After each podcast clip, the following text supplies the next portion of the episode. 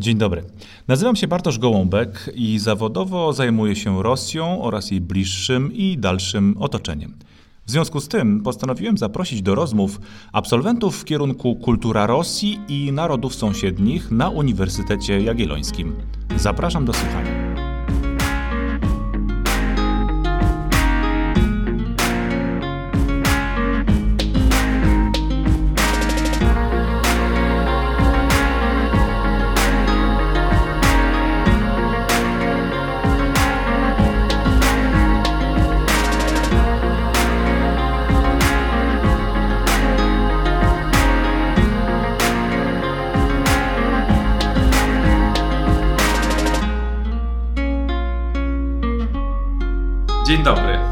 Dobry wieczór. E, dzisiaj rozmawiam e, z Martyną Kwiatkowską, która jest e, absolwentką kultury Rosji i narodów sąsiednich.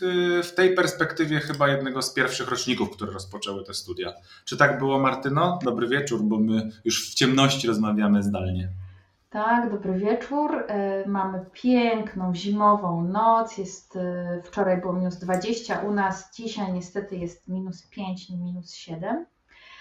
Ja byłam jednym, ja byłam pierwszym rocznikiem, który rozpoczynał kulturę Rosji i narodów sąsiednich, ale e, powtarzałam piąty rok. W związku z tym skończyłam, nie pamiętam w którym roku studia, ale w tym samym, w którym doktor Katarzyna Syska, która też tutaj występuje w tych e, rozmowach. Tak, to, to prawda i pani doktor Katarzyna Syska nawet e, powoływała się na, e, twoją, na tą znajomość z wielką przyjemnością. Trzeba to jeszcze raz wysłuchać. Zachęcam do, do wysłuchania tej rozmowy w, w tej chwili i ciebie i wszystkich, którzy nas teraz słuchają. Martyno, po co ty rozpoczęłaś te studia? Co ciebie do nich wciągnęło? Czy ty byłaś świadomym, świadomą studentką, świadomym wyborcą, chciałbym powiedzieć, bo myślę, że studenci y, chyba na takie główne dwie grupy się dzielą. Niektórzy trochę przypadkowo wybierają kierunki studiów, a niektórzy patrzą wnikliwie do programów i jakoś sobie projektują tą wizję. Jak było z tobą? Ja świadomie wybrałam ten kierunek. E, zaczęło się od mojej wizyty na, w, mm, na Dniach Otwartych Uniwersytetu Jagiellońskiego, gdzie spotkałam studentów wtedy pewnie nie wiem, drugiego, trzeciego roku, którzy promowali e, ten nowy kierunek. Ja do dziś pamiętam, jak e, Łukasz Mrzygłód wręczył mi taką książeczkę. Ja teraz nie pamiętam, czy to była książeczka zielona czy niebieska, w której było rozpisane, jakie to zajęcia my mamy mieć. No i tam miało być dziennikarstwo, w ogóle wszystko, taki wachlarz przeróżnego typu e, zajęć, które, e, mm, w które chciałam po prostu, w ramach których chciałam się bardzo mocno rozwijać. I mm, ja dostałam się również na ukrainistykę na Uniwersytecie Warszawskim i już jadąc na egzaminy y, do Krakowa wiedziałam, że jestem studentką UW. Urzekła mnie atmosfera Krakowa. Ja wtedy mieszkałam w Piotrkowie Trybunalskim, no i Kraków to było miasto studenckie, mm, naukowe, pełne młodych ludzi. Więc ja przyjeżdżam nie tylko na UJ, ale też do miasta. To się często zdarza. Ja też tak trochę miałem, nie ukrywam. Yy, ale to miasto też potrafi być yy, czasami niewdzięczne przecież, prawda? Wiemy, to akurat nie mówię o samym Krakowie, ale różne, do różnych miast trafiamy. Mówisz, że atmosfera e, cię, cię, cię ściągnęła. E, albo raczej przyciągnęła do tego, żeby tutaj zostać. No ale prowokacyjnie zapytam, e, dlaczego zamieniłaś nową, dynamiczną, rosnącą mm, stolicę Polski na, na starożytny gród Kraka, bo padło to słowo dziennikarstwo. Ja nie, nie, wątpię, że jednak jeśli ktoś by chciał w tej branży się rozwijać, to Warszawa daje dużo więcej możliwości. Mm, o warszawskich możliwościach dowiedziałam się po studiach, kiedy to wyjechałam do Warszawy, a właściwie na czwartym roku nawet studiowałam w Krakowie w ramach stypendium MOST. E, dla mnie Kraków wtedy wygrywał na całej linii, dlatego że ja przyjeżdżałam na studia nie po to, żeby rozwijać się w kierunku kariery, ale po to, żeby poznać ludzi, dowiedzieć się od tych ludzi czegoś nowego, e, pożyć w mieście, gdzie te tłumy studentów przewalają się przez, e, przez centrum. Ja miałam to szczęście, że wtedy jeszcze nie było takich tłumów turystów. I kiedy szłam z mieszkania, ja od drugiego roku mieszkałam na Karmelickiej, szłam z mieszkania z ulicy Karmelickiej na Mały Rynek, bo wtedy mieliśmy większość zajęć na Małym Rynku, no to bardzo często spóźniałam się na te zajęcia, bo kogoś znajomego spotykałam. E, przyznam szczerze, że gdyby nie Kraków, gdyby nie ludzie, których poznałam w Krakowie poza E, osobami, z którymi studiowałam, to ja pewnie bym po pierwszym roku zrezygnowała. No, to ciekawe spostrzeżenie jest. Jednym słowem, coś na tych studiach było nie tak. E, jeśli e, to otoczenie ciebie jednak do nich z powrotem skierowało, ja podzielę się swoim takim wspomnieniem w tej chwili, bo wydaje mi się, że dosyć podobnie zareagowałem po pierwszym semestrze studiów na filologii rosyjskiej. Mm, y, z tym, że y, miałem takie przeświadczenie, że jak tu tak dużo pracy już wykonałem, żeby ten rosyjski jako tako w tym pierwszym semestrze y, mieć opanowany, no to dalej już jest tylko nicość i trzeba zrobić wszystko, żeby zostać. A miasto pomogło. To znaczy, no tak, jak sobie wyobraziłem, jak mam opuścić Kraków, no to było ciężko. A ty mówisz, pierwszy rok i koniec, a tutaj jednak ludzie. A zostań, zostań. Jak to było? Na pierwszym roku mieszkałam na Czerwonym Prądniku. Mieszkaliśmy we trójkę w kawalerce. Koleżanka studiowała na AGH, kolega studiował aktorstwo i yy, tworzyliśmy cudowną trójcę, zupełnie niezgraną. Każdy sobie szedł w inną stronę yy, i każdy był czym innym zajęty. I ja przyjechałam do Krakowa yy, do teatrów, na wydarzenia kulturalne, bo jeszcze będąc w liceum wraz z rodzicami przyjeżdżałam pociągiem na e, spektakle Krystiana Lupy, więc ja żyłam tą, mm, tym poczuciem, że będę częścią bohemy artystycznej e, Krakowa. E, co ciekawe, kolega, który wtedy ze mną mieszkał i z którym ja też mieszkałam, kolega Tadeusz, który studiował aktorstwo, on po wielu latach mm, powiedział mi, Martyna, ty zawsze wiedziałaś, co się dzieje w Krakowie. A to ja miałam poczucie, że przecież on jest w centrum wydarzeń, no bo on ma być aktorem, a ja tu studiuję po prostu jakąś kulturę Rosji i narodów sąsiednich. Wracając do samych studiów, ja jestem osobą, która lubi mm, praktykę, nie lubię teorii.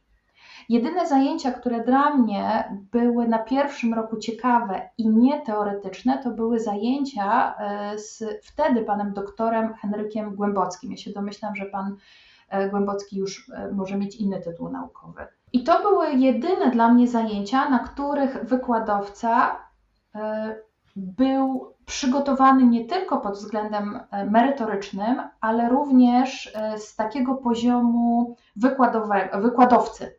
To znaczy używał różnorodnych narzędzi do tego, żeby nas zainteresować tematem. Mieliśmy dyskusje, było bardzo dużo tekstów źródłowych do przeczytania, były mapy. To było dla mnie odkrycie i właściwie wielka radość uczestniczenia w tych zajęciach. Po wielu latach e, spotkaliśmy się w pociągu relacji Kraków-Warszawa. Z radością usiadłam u pana, obok pana doktora. Ja wtedy już chyba pracowałam w Tadżykistanie, chociaż nie pamiętam.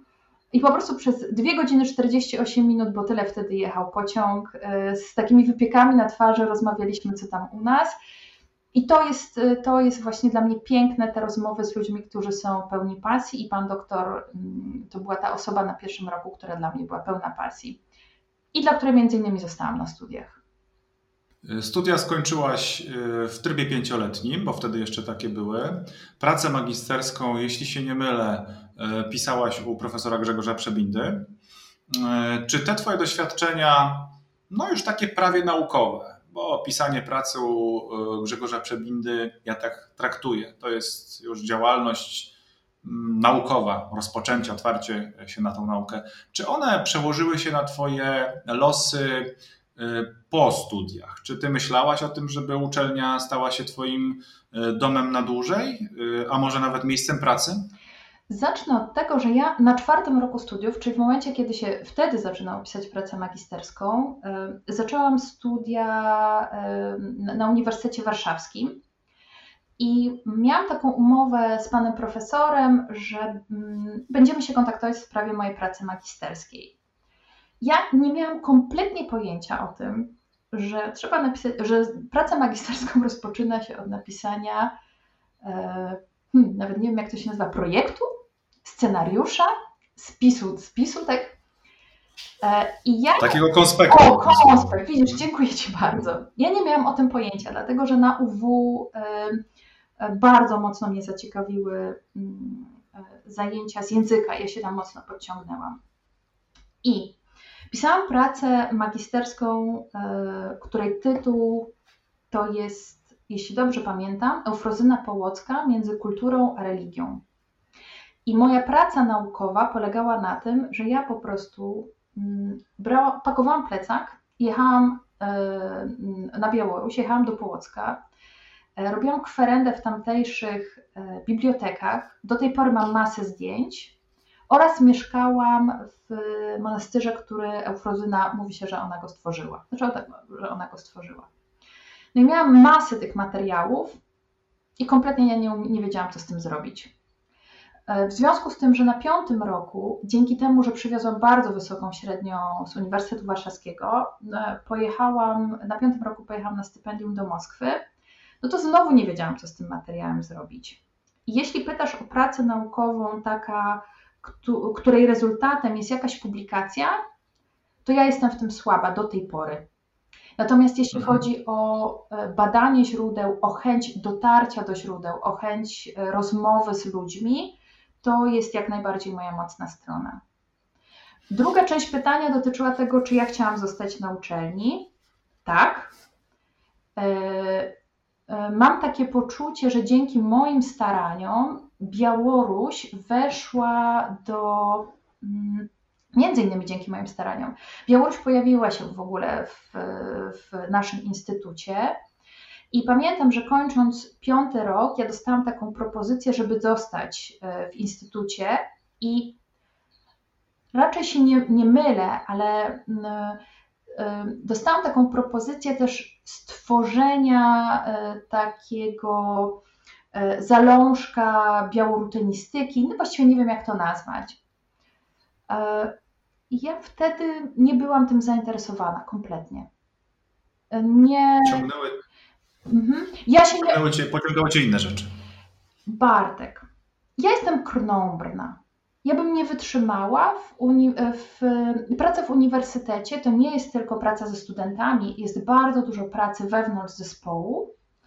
E, jest sporo mm, e, obowiązków, które są obowiązkami poza, wykraczającymi poza tylko wykłady w tym ja się nie odnajduję. Jasne. Jednym słowem, y, po prostu Twoje personalne predyspozycje i intuicja podpowiedziały Ci, że powinnaś swoją zdobytą na uczelni, na dwóch uczelniach właściwie wiedzę i swoje mm, właśnie te osobiste predyspozycje konsumować, też wykorzystywać Mm, gdzieś na zewnątrz, w zupełnie innych środowiskach, e, co jest zrozumiałe zupełnie.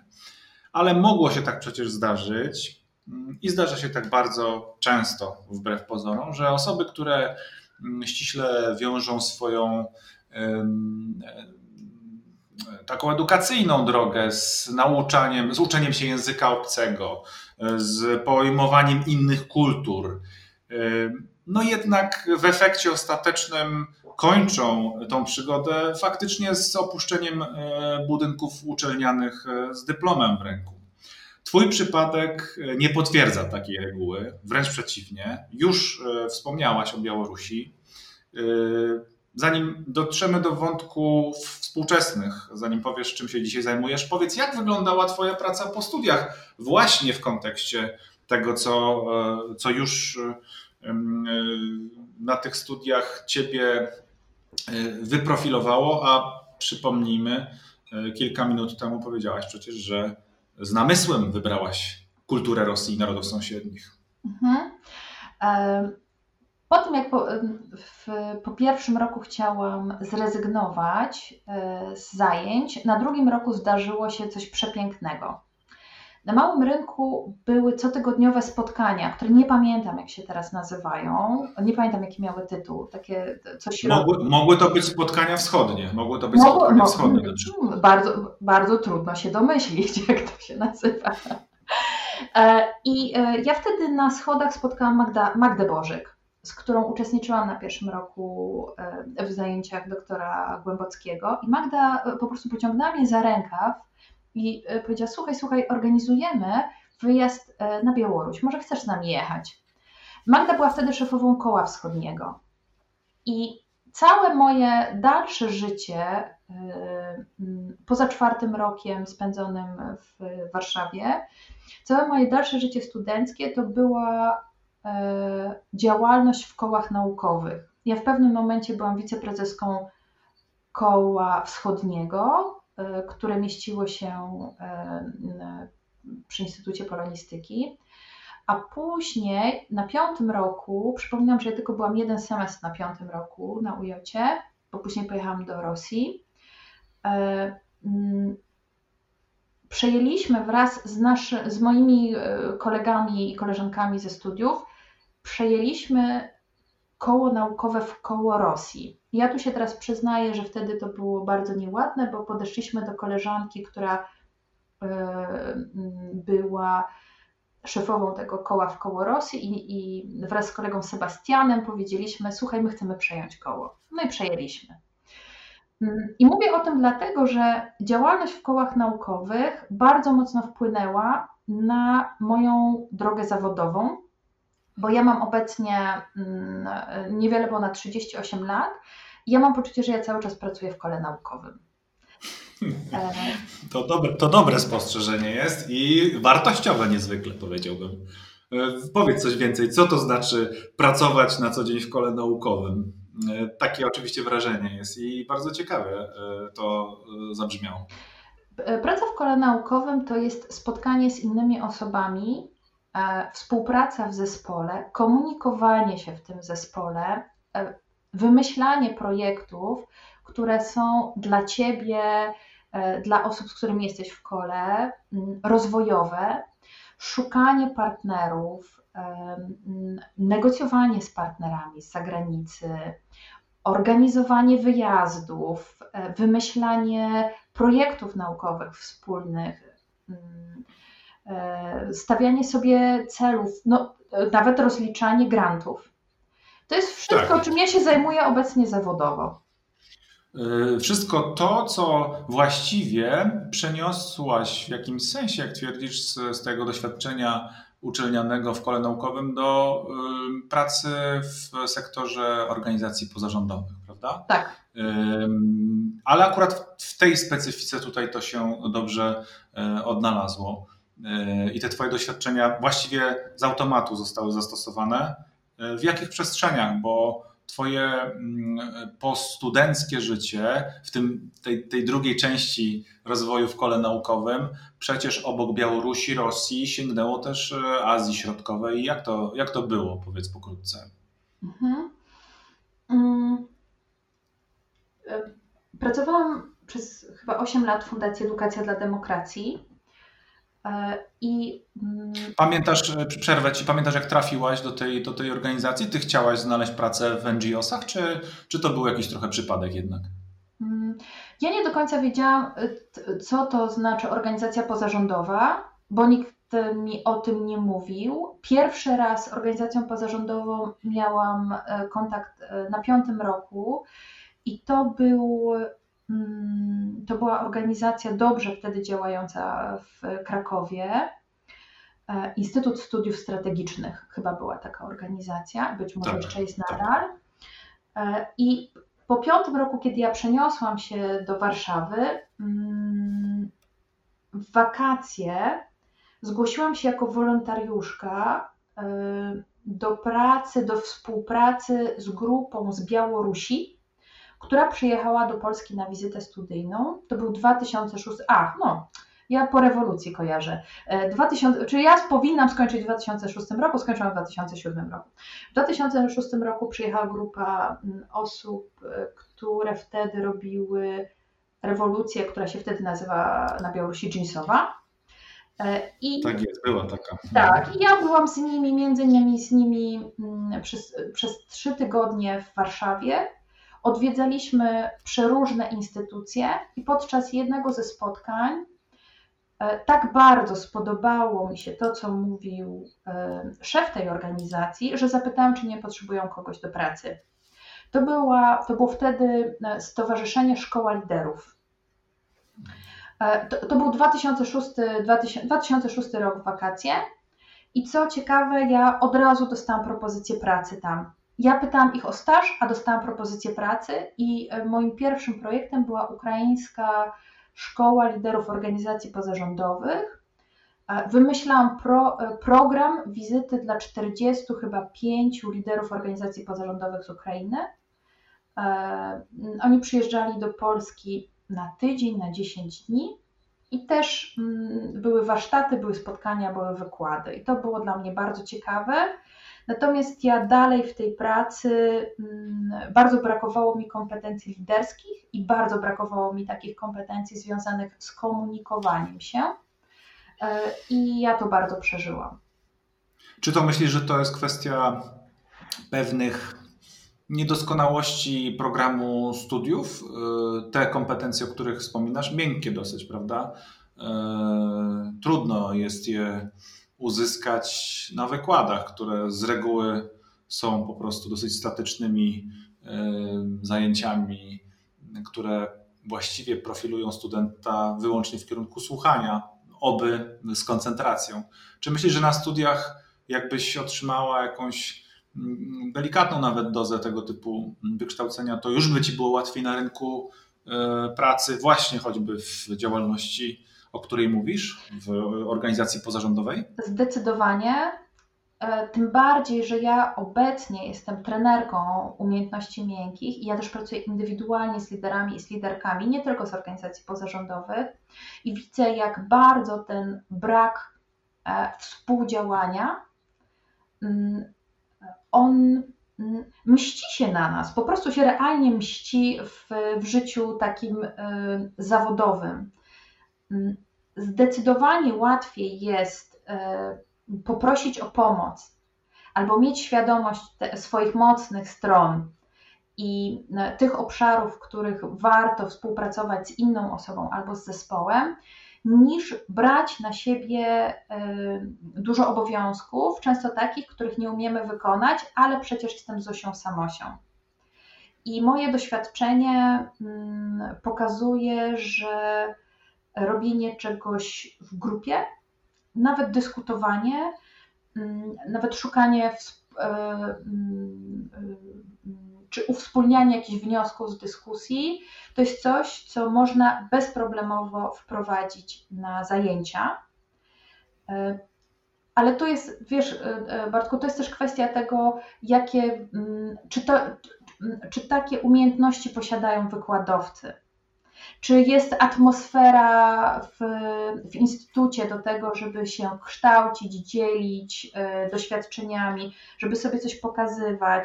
Czy jest też taka przestrzeń do tego, żeby wykładowca mógł się kształcić, y, czy są finanse, to naprawdę trzeba mieć środki i to nie tylko środki finansowe, ale też to, to są duże nakłady czasu, szczególnie obecnie, żeby się zacząć dobrze czuć w tej edukacji prowadzonej online.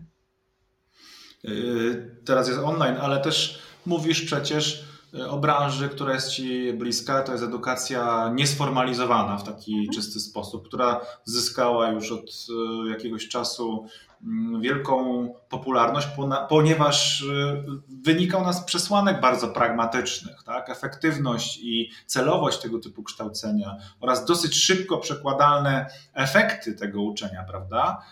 No, uczyniły tego typu szkolenia, kursy, no, projekty w szerszym zakresie na pewno bardziej, bardziej właśnie popularnymi, czasami nawet bardziej niż semestry studiów na prestiżowych uczelniach, czy w kraju, czy za granicą. To, to, to fakt. No ale powiedz w takim razie, jak ty, kobieta wielu pasji właściwie, tak? Mówiłaś o swoim przywiązaniu do teatru, do kultury, do może przesadzę, ale sformułuję to tak wielkomiejskiego życia. Trafiłaś w pewnym momencie, albo raczej zdecydowałaś o tym, że możesz poświęcić się innym ludziom w Tadżykistanie, innym kobietom, mówiąc bardziej precyzyjnie i jednoznacznie. Czy to było w Twoim życiu jakieś poświęcenie, e, czy to e, były po prostu dary losu? Tak się potoczyło, skorzystałaś, byłaś, nie żałujesz. Mhm. Dziękuję, że wróciłeś do tematu Tadżykistanu, bo faktycznie pominęłam go w, w swojej odpowiedzi. E, w 2000 2009 roku zostałam zabrana przez dwie koleżanki z Fundacji Edukacja dla Demokracji na, jeśli dobrze pamiętam, 10-dniowy wyjazd do Tadżykistanu. I yy, to było dla mnie odkrycie, ale przede wszystkim dużo wniosków na mój temat. Ja jechałam tam i bałam się, czy mój maleńki aparat cyfrowy, nie wiem, czy go mogę wyjąć, nie? Czy, czy mnie ludzie nie zjedzą. E, na miejscu spotkałam, o, wlazłam do meczetu w butach. No, nie, nie, no, nie powiem, co o sobie myślę obecnie. Więc ja byłam taką dzikuską, która tam przyjechała i spotkałam się z, i poznałam osoby, które e, do tej pory mają na mnie ogromny wpływ.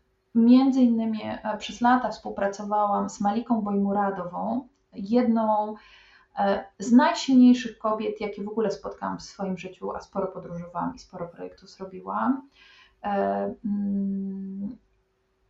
I z którą wspólnie realizowaliśmy, realizowałyśmy projekty skierowane do kobiet wiejskich w Tadżykistanie. Ja zajmowałam się rozwojem mikroprzedsiębiorczości kobiecej. E, pracowałam początkowo na północy Tadżykistanu przy granicy z Uzbekistanem, a Mm, ostatnie trzy lata mojej pracy to chyba był 2013, 14, 15. Łączyłam tą pracę e, e, na północy Tadżykistanu z pracą przy granicy z Afganistanem, gdzie e, współtworzyłam kluby kobiet w dziesięciu wsiach. I to było ogromne wyzwanie logistyczne, życiowe, ale też chyba najpiękniejsza moja taka do tej pory przygoda poza macierzyństwem, e, która mm, to jest taka przygoda, która pozwoliła mi nauczyć się, może nie tyle nauczyć, co, co na pewno bardzo mocno pogłębiła moją umiejętność słuchania, uważnego słuchania. E, jak wspomniałam, pracowałam w dziesięciu wsiach te wsie są na tyle zamknięte, że szczególnie kobiety rzadko kiedy z nich wychodzą czy się przemieszczają. I przyjeżdżając do jednej wsi, siadałyśmy z paniami oczywiście na podłodze przy herbacie i panie mi opowiadały o tym, jak się żyje w Tadżykistanie. I mówiły o tym, że właśnie tak się żyje w Tadżykistanie. Jechałam 10 kilometrów dalej i tam panie mówiły mi zupełnie co innego i że tak wygląda kultura Tadżykistanu. E, I mm, e, moja początkowa praca to była, była trochę taka sztampowa. To znaczy, ja chciałam przenieść pomysły, które sprawdzały się na północy Tadżykistanu, e, gdzie kluby kobiet istniały już od paru lat i gdzie też kobiety są lepiej wyedukowane, bo na południu Tadżykistanu e, większość kobiet nie umiała czytać i pisać. E, I, mm, ja po pierwszym roku w ogóle nauczyłam się tego, że to nie da się, nie da się tak przyłożyć e, i że trzeba mm, do każdej wsi, do każdej grupy kobiet, mm, trzeba je usłyszeć i trzeba tak zaprojektować działania, żeby one przyniosły najlepszy efekt, ale dla nich, tam, tam i wtedy. E, wspomniałeś takie, takie słowo e, poświęcenie, więc ja nie uważałam wtedy, że jest to poświęcenie, natomiast po latach zrozumiałam, że e, ja nie potrafiłam dobrze zarządzać swoją energią. Leciałam do Tadżykistanu, latałam tam na powiedzmy dwa, maksymalnie trzy razy do roku i byłam od 10 dni do 5 tygodni. I ja wtedy byłam całą sobą. Ja pracowałam po 14 godzin, po 16 godzin. E, zdarzało się tak, że leciałam sama e, i e, spałam w jakichś paskudnych hotelach, no, okrutnych, w okrutnych miejscach. Miałam cały czas problemy z żołądkiem, ale byłam cały czas w tym poczuciu misji. I dopiero później, myślę, że to był jakiś 2015 rok, e, ja odkryłam, e, mm, e, ja zrozumiałam, że to nie jest, mm, że tak nie można wspierać ludzi. Że o, jeśli samemu, jeśli o siebie nie zadbasz, to to wsparcie ono nie jest, to nie jest nic dobrego o, dla dwóch stron. Więc przeszłam też y, takie głębokie wypalenie zawodowe. I był taki moment, kiedy w ogóle zrezygnowałam w pracy w organizacjach pozarządowych. Y, czy ten pobyt w Tadżykistanie ty byś dzisiaj po pewnej perspektywie czasowej, taki pobyt, nazwijmy go pobytem, prawda? Pewnie zbiera się w jakiś jeden pełny obraz.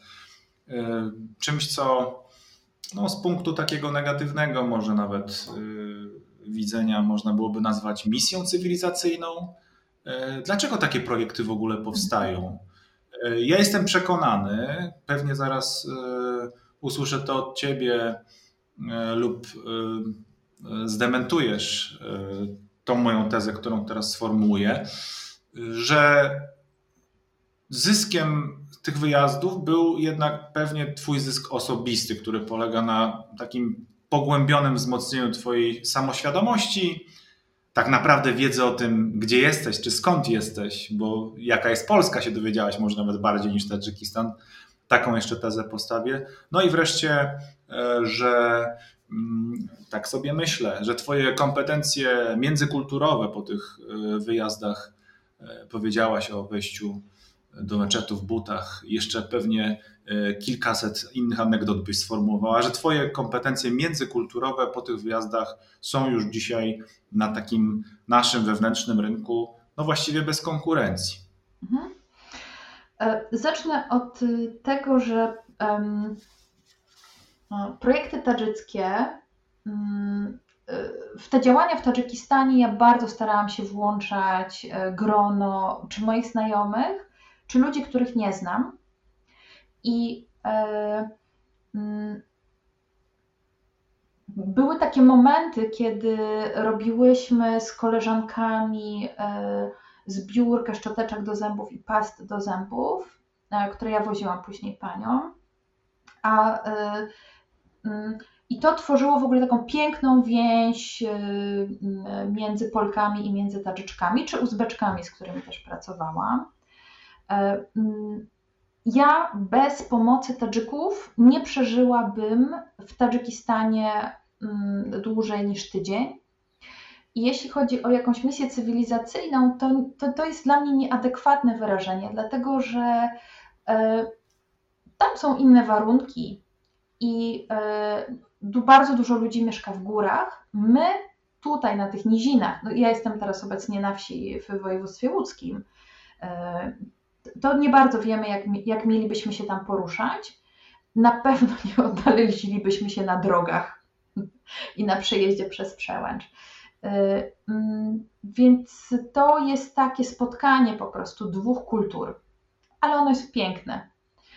I mm, jeśli mam ocenić swoje kompetencje międzykulturowe, to y, począwszy od wyjazdów studenckich, od pierwszego wyjazdu e, na Białoruś, mm, jeśli mm, moja uważność na różnice wzrastała. I to, że ja się odnalazłam w Tadżykistanie, było też pokłosiem tego, że ja do czasu pracy w Tadżykistanie naprawdę sporo podróżowałam po Białorusi, Ukrainie czy Rosji. E, I mm, władałam językiem rosyjskim na wysokim poziomie, mimo że na piątym roku zostałam oblana i nie zdałam właśnie języka rosyjskiego. E, mm, no i w Tadżykistanie to było też ciekawe, bo tak nie bardzo wiedziano, jak mnie odbierać, czy jestem kobietą, czy mężczyzną. Bo jestem, y, bo, bo mówię, bo się odzywam, bo pytam, bo wyciągam rękę.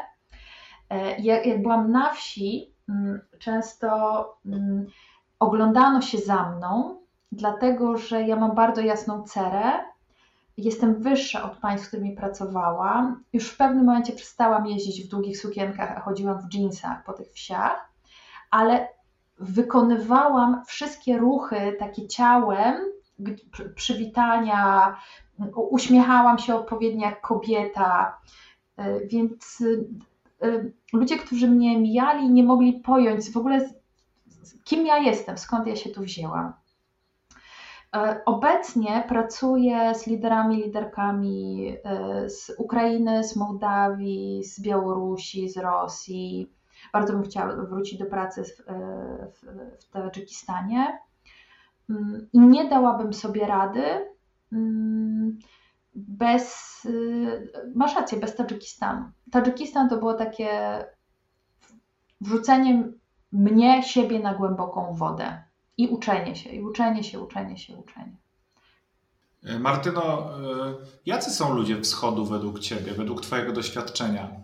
E, jak z nimi, Twoim zdaniem, najlepiej jest się porozumiewać? Żeby ta rozmowa była szczera, prawdziwa, efektywna i żeby wszyscy mm, rozmówcy po obu stronach byli usatysfakcjonowani, wzmocnieni, lepsi po prostu. Mhm. Pierwsze, co mi przychodzi na myśl, to jest kwestia autentyczności. Mm, autentyczności, czy mówienia, e, mówienia o sobie. E, mm, I ta autentyczność mi pozwoliła wejść w dość głębokie relacje z kobietami z Tadżykistanu. Mm, pozwolę sobie przytoczyć taką historię, kiedy e, w wakacje w Tadżykistanie miałam odkrytą taką sukienkę, miałam gołe ramiona, ale miałam zarzucone chust albo jakiś sweterek. No i starym, jak to, starym zwyczajem po prostu panie, do których przyjeżdżałam, one mnie rozbierały i sprawdzały, jak jest coś szyte. Ja wtedy miałam, po pierwsze na to spotkanie przyjechałam z moim przyszłym mężem, Mariuszem, e, i przedstawiałam go jako chłopaka swojego, więc od wejścia panie e, e, życzyły nam to, czego się życzy w ogóle w Tadżykistanie ludziom, E, żeby byli szczęśliwi, czyli żebyśmy mieli dzieci, żebyśmy się szybko pobrali, a w ogóle to, żebyśmy mieli bliźniaki. No i to jest, to jest największe szczęście. E, po czym właśnie e, była to cała procedura rozbierania i oglądania mnie. No i okazało się, że ja na ramieniu mam przyklejony plaster. No i co to jest za plaster? No i to jest plaster antykoncepcyjny. No i zaczęłyśmy rozmawiać o tym, jak to działa. No i parę minut po tym, jak panie nam życzyły dużo dzieci, e, bliźniaków, e, zapytały, a możesz nam też przywieźć? Ile to kosztuje?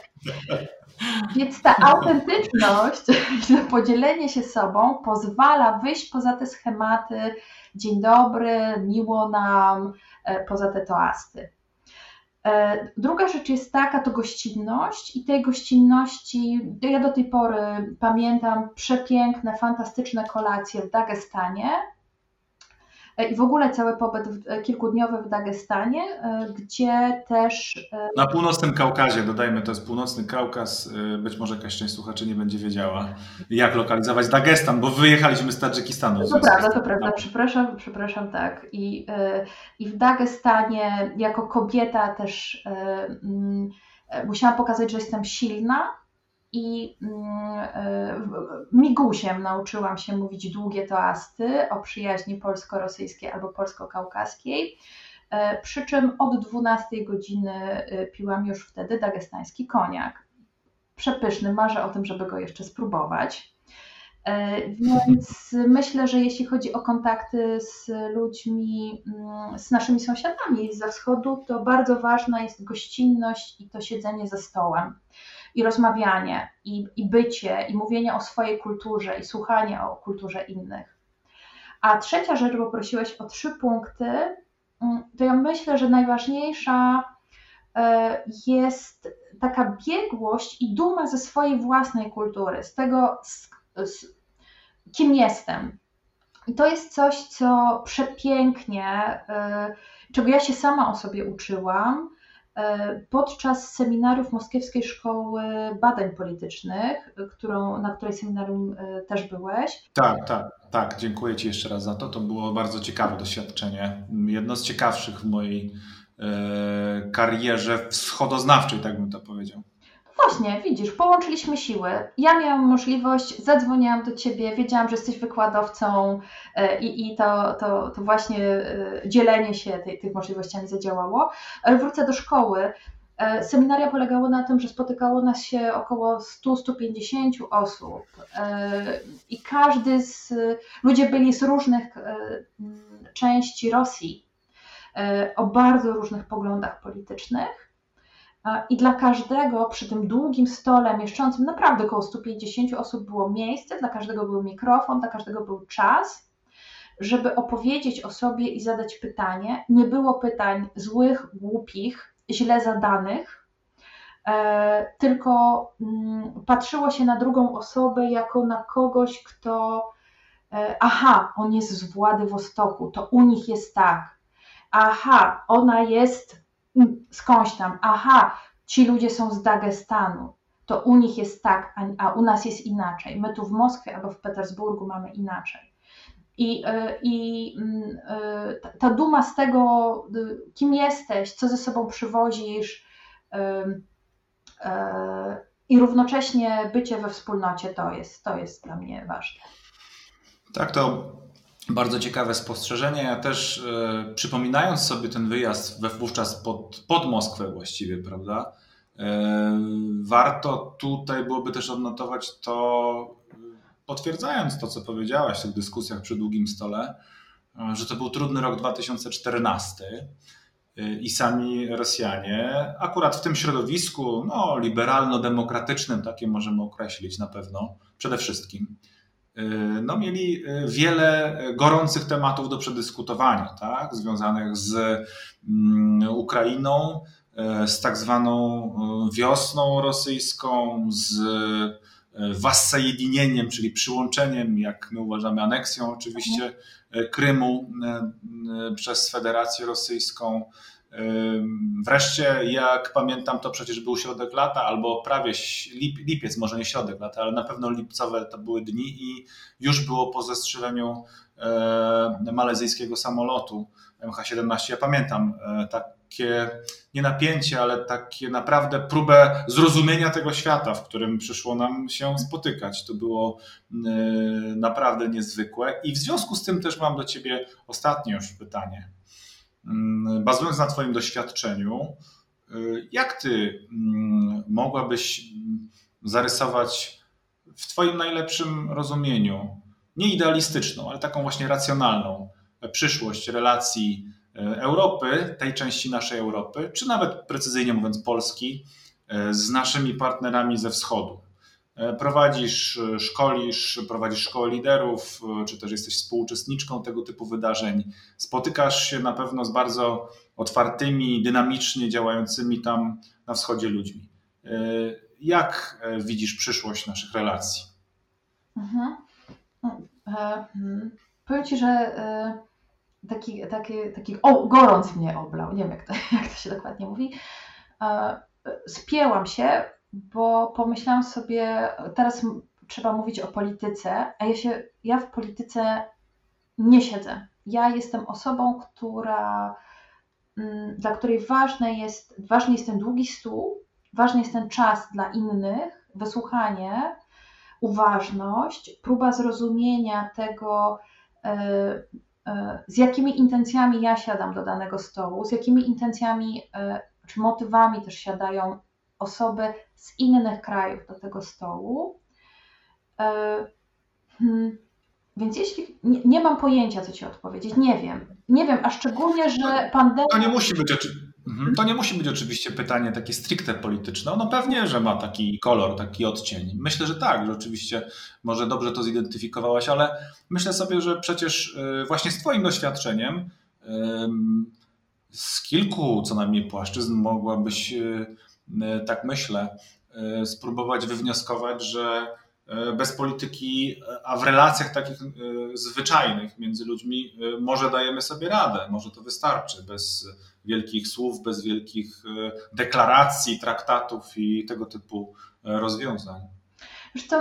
Myślę, myślę, zastanawiam się i pierwszy, jakby nie może nie pierwsza, ale kolejna rzecz, która mi przyszła do głowy to ten przykład pracy, którą wykonano na pograniczu niemiecko-polskim, wymiany, współpraca kulturalna. To jest coś, czego zabrakło na granicy Polska-Białoruś. Polska, Polska-Ukraina całkiem nieźle działa przy Polska-Rosja. Y, z doświadczenia wiem, że tych polsko-rosyjskich projektów było mało, y, nie mówiąc już w ogóle wymianie polsko-tadżyckiej. Ja myślę, że na, na, na palcach jednej ręki mogę, mogę to wymienić.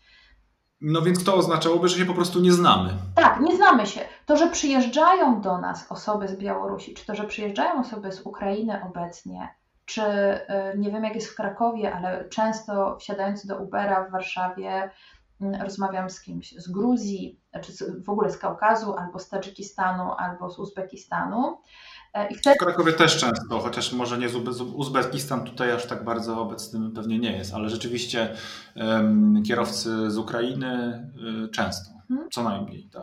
Więc wiesz co, jak to będzie wyglądać, jaka nas przyszłość czeka, nie wiem. Chciałabym e, bardzo życzyć nam, żebyśmy e, mm, hmm, wyłączyli Netflixa, ja akurat oglądam Netflixa, mieszkam na wsi, ale żebyśmy wyłączyli Netflixa i zobaczyli, kto e, obok nas zamieszkał, e, porozmawia, żebyśmy porozmawiali z tą osobą i żebyśmy uczyli nasze dzieci e, tego, że mm, wschód jest piękny, że tam mieszkają osoby, które nawet na wsiach, po prostu mm, jedziesz na wieś i są wybitni intelektualiści na tych wsiach.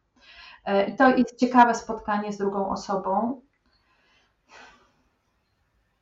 No tak opowiadam Ci trochę dookoła. Bo ja w ogóle się zajmuję, ja się zajmuję tym, wiesz, że spotykam ludzi, że sprawdzam, co, co, co na tym styku się wydarzy i że ja wierzę w to, że, ta, że to, co się wydarzy, to jest takie, że będzie to dobre, tylko że trzeba ludziom dać przestrzeń do rozmowy, do rozmowy w dobrej, nienapiętej atmosferze. I tego życzę, żeby te dalsze pokolenia właśnie miały taką możliwość. Jednym słowem, jeśli mógłbym odebrać Ci przywilej y, polecenia jakiegoś rodzaju y, sposobu funkcjonowania studentom, obecnym, przyszłym i w ogóle młodym ludziom w, w tych y, relacjach międzykulturowych, międzynarodowych też, no to powiedzielibyśmy tak wspólnie, ja odbierając Ci, jak powiedziałem, ten głos, bądźcie gotowi i otwarci na dobre, mądre spotkania, tak? Tak. I zakochujcie Podpisujesz się. się. I zakochujcie I się. Zakochujcie się. Studia to jest czas po prostu bycia na różnych poziomach i to i takiego bycia przyjaźni, siostrzeństwa, braterstwa. No to jest piękny czas. Później zaczniecie pracować. Później zaczniecie pracować i rozwijać nas we wszystkich możliwych kierunkach. Bardzo fajnie. Dziękuję uprzejmie e, za poświęcony mm, e, czas na tą niezwykle pouczającą rozmowę. Martyna Kwiatkowska była dzisiaj e, gościem rozmów, które moglibyśmy tak zatytułować co po Krynie, co, co po studiach, które E, pokazują wschód, Rosję, Ukrainę, Białoruś. Dziękuję jeszcze raz bardzo serdecznie, Martyno. Dzięki serdeczne. Centrum Wszechświata dla Martyny Kwiatkowskiej, mojej dzisiejszej rozmówczyni, jest wieś w centralnej Polsce, skąd wyrusza na różne dalsze i bliższe wyprawy. Podczas pandemii jedynie online'owe. Martyna jest absolwentką kultury Rosji i narodów sąsiednich, a także Moskiewskiej Szkoły Badań Politycznych. Zakończyła także szkołę coachów grupy TROP oraz kurs fotograficzny w stopniu podstawowym, który odbyła w Związku Polskich Artystów Fotografików w Warszawie, co jak sama mówi, miało największy wpływ na jej życie. W Związku Polskich Artystów Fotografików poznała bowiem swojego męża. Od kilkunastu lat działa w organizacjach pozarządowych w ramach projektów edukacyjnych i rozwojowych z Białorusinami, Rosjanami, Mołdawianami, Ukraińcami czy Tadżyczkami. Jest trenerką kompetencji miękkich. Swoją aktywność pozarządową łączy z pracą z partnerami z sektora biznesowego.